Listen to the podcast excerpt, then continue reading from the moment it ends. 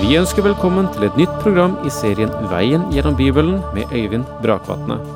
Denne studieserien er produsert av P7 Kristen Riksradio og bygger på serien Through the Bible av Vernon McGee. I dag fortsetter vi med profeten Mika.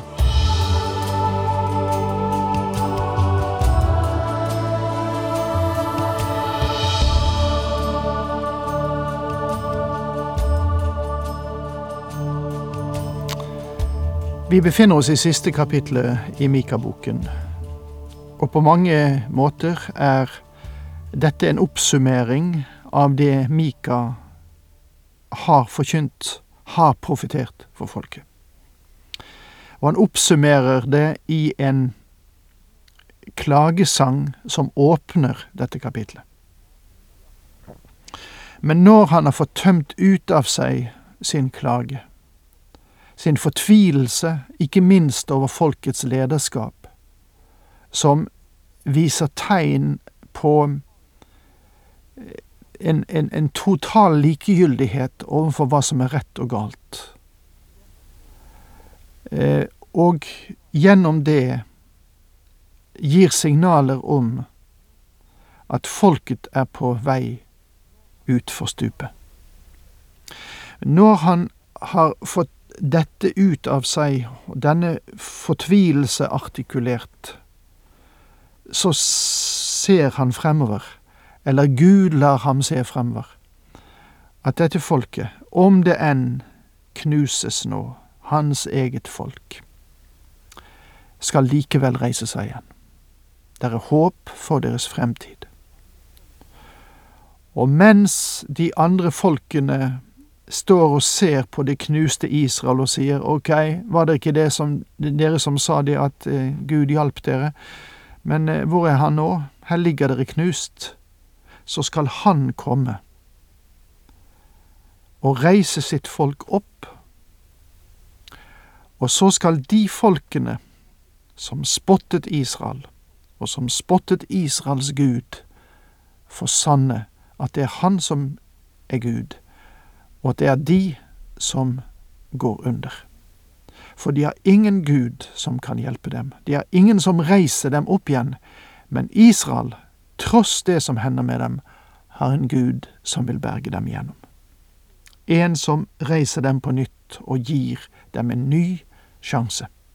Og så ser eh, Mika fremover mot eh, den store avslutningsscenen av eh, historien historien nå, i denne epoke.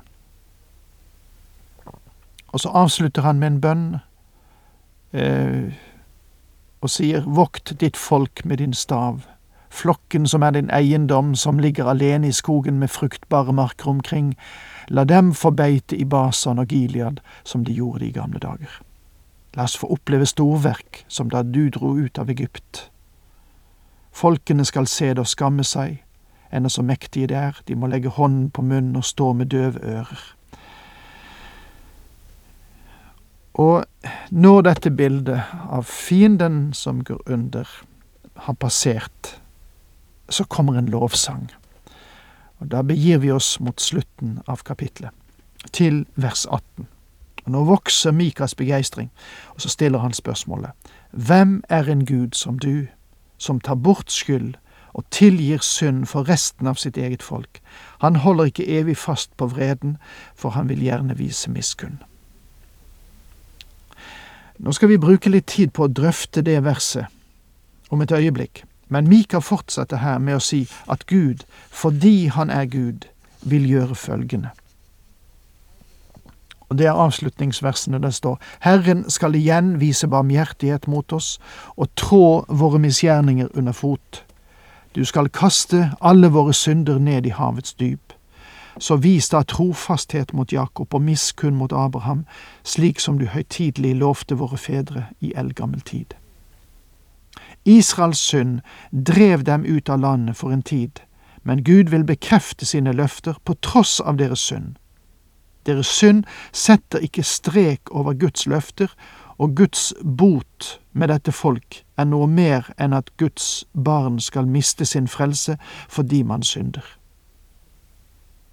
Guds barnets synd kan føre til tukt om man ikke bekjenner og får tingene ordnet opp, men vil du komme tilbake til Gud, så vil Gud være nådig og tilgi deg. Den fortapte sønn fikk ikke bank da han kom hjem til sin far, men han fikk bank da han var i landet langt borte, og du kan være sikker på én ting, Guds barn vil aldri komme noen vei med synd. Det ser vi igjen og igjen i Skriften. La oss nå komme tilbake til dette vidunderlige verset vi har her. Hvem er en Gud som du? La meg overraske deg med å si, det er noe som Gud ikke har sett, men som du ser hver dag. Kanskje du ikke visste at du kan se noe som Gud ikke har kunnet se, men det er sant nok. Kanskje det kan virke litt respektløst av meg å si det. Det kan virke utillatelig eller snedig.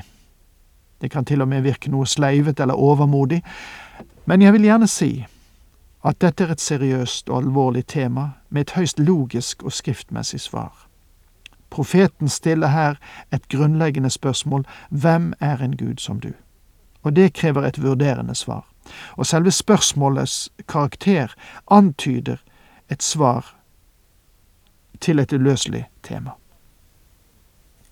Dette er ikke første gang et slikt spørsmål er blitt stilt i Skriften. Det ble stilt i den vidunderlige sangen som Israel sang etter at de hadde krysset Rødehavet, i 2. Mosebok 15, og der står det i vers 11 slik. Hvem er som du blant gudene, Herre? Hvem er som du? Så herlig og hellig, skremmende i storverk, underfull i gjerning. Folket hadde nettopp kommet fra Egypt, der det var mange guder. Egypt var, for å si det slik, fullpakket med guder. De ti plagene i Egypt var blitt rettet mot deres forskjellige guder. Og det var Guds strategi i det hele. Og så mot slutten av de 40 år på marsj i ørkenen sa Moses, Ingen er som Jesjuruns Gud. Han farer fram over himmelen og kommer deg til hjelp. Han rir på skyene i sin velde. En bolig er den eldgamle Gud. Her nede er hans evige armer. Han drev fienden bort fra deg og sa, bare rydd ham ut, som det står i 5. Mosebok, kapittel 33, vers 26-27. Dette spørsmålet ble også stilt av Salomo i første kongebok, kapittel 8, vers 23, der det står slik, Det er ingen Gud som du, verken oppe i himmelen eller her nede på jorden. Du holder pakten med dine tjenere og lar din godhet mot dem vare ved, når de ferdes helhjertet for ditt åsyn. Og salmisten synger det slik, Hvem er som Herren vår Gud, Han som troner i det høye, som skuer ned i det dype, i himmelen og på jorden. Og dette spørsmålet stilles også i annen Mosebok og i femte Mosebok, i kongebøkene, i salmene og i andre vers som jeg har sitert. Men la oss nå svare på det. Mitt svar ble antydet ved det jeg sa i begynnelsen. Gud har ikke sett noe som du ser hver dag. Hva er det Gud ikke har sett? Min venn, Gud har ikke sett sin like. Hvem er en Gud som du? Gud har aldri sett sin like, men du og jeg, vi ser vår like, våre likemenn og håper å si våre like kvinner, hver dag. På mange måter er Gud alene, det vil si, han har ingen over seg eller ved siden av seg.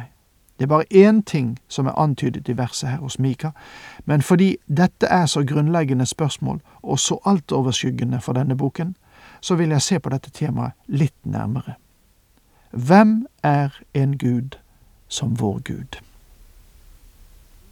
For det første, la meg få si, Bibelens Gud er skaperen. Bibelens Gud er skaperen, men hedningenes guder er skapninger. Apostelen Paulus skrev, De kjente Gud, men likevel ga de ham ikke den ære og takk som Gud skal ha, Med sine tanker endte de i tomhet, og det ble mørkt i deres uforstandige hjerter. De sier de er kloke, men de endte i dårskap, og istedenfor å gi den uforgjengelige Gud ære, dyrket de bilder av forgjengelige mennesker, fugler, firebente dyr og krypdyr. I Romane 1, vers 21-23. De tilba skapningen fremfor skaperen. Jesaja, som var samtidig med Mika, skrev angående hedningene som lager sine billedstøtter av tre slik. Halvparten av treet brenner han på ilden, over glørne steker han kjøtt, spiser og blir mett. Så varmer han seg og sier, Å, jeg blir varm, jeg merker ilden. Resten gjør han til en gud, et gudebilde som han bøyer seg for. Han kaster seg ned, ber til det og sier, Frels meg, for du er min Gud. Jesaja 44, vers 16-17.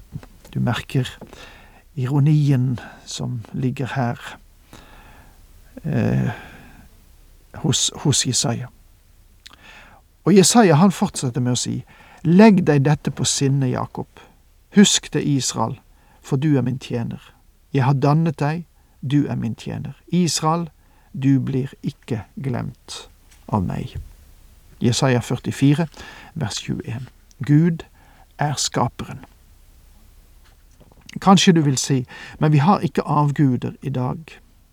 Mikas bok har tatt opp og behandlet en form for avgudsdyrkelse som Israel var skyldig i, og som vi er skyldig i også, nemlig begjær eller grådighet, og det er avgudsdyrkelse sekularisme, materialisme.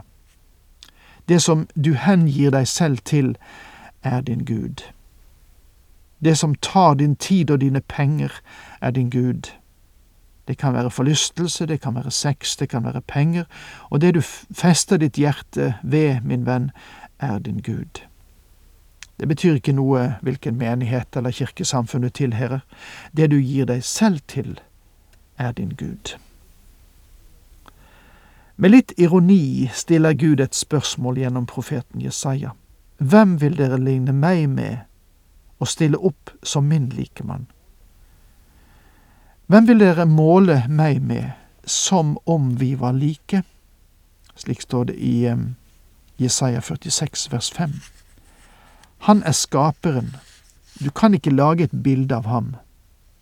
Noen øser ut gull fra pungen og veier opp sølv på vekt. De leier en gullsmed som lager en gud, så bøyer de seg ned og tilber ham. De tar ham på skulderen, bærer ham med seg og setter ham på plass. Der står han og rører seg ikke av flekken. Roper de til ham, svarer han ikke, han kan ikke frelse dem fra nød. Vers 6 og 7 i profeten Jesaja 46. Og lenger enn det kom vi faktisk ikke i dag. Takk for nå. Herren med deg.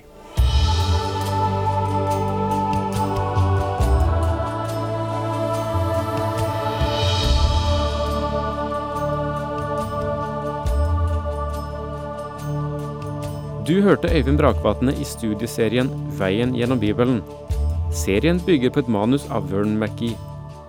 Har du spørsmål eller kommentarer til programmet, kan du sende en e-post til vgb krøllalfa p7.no.